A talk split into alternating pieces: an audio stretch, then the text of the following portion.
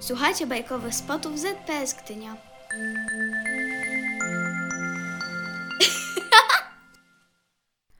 Kotek psotek, Maria Konopnicka. Miała Zosia kotka psotka.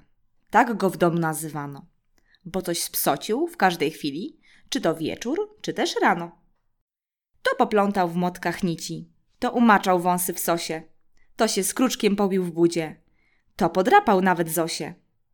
Aż raz patrzy, Zosia w wodę, puszcza śliczne rybki złote. Psotek przysiadł, uszki stulił i obmyśla nową psotę. Rybka, duma, to potrawa, to mi przysmak doskonały. Cóż to? Zawsze będę chlapał mleko, jakby kociak mały? Wnet nad wodą się przychyla. Patrzy okiem zachwyconem. Sięga łapką, jedną, drugą, aż buch! Cały wpadł z ogonem. Ledwo, że się nie utopił, a narobił krzyku wrzasku. Wszyscy biegli przestraszeni. Dom był pełen prasku trzasku. Dostał febry, zczerniał cały, lecz nie poszła w las nauka. Odtąd psotek u starego rybołowa rady szuka.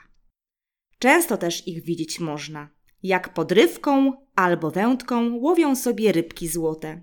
Złote rybki z krasną cętką. Psotek zmienił obyczaje. Rzucił figle, rzucił psoty, obrał sobie stan rybacki.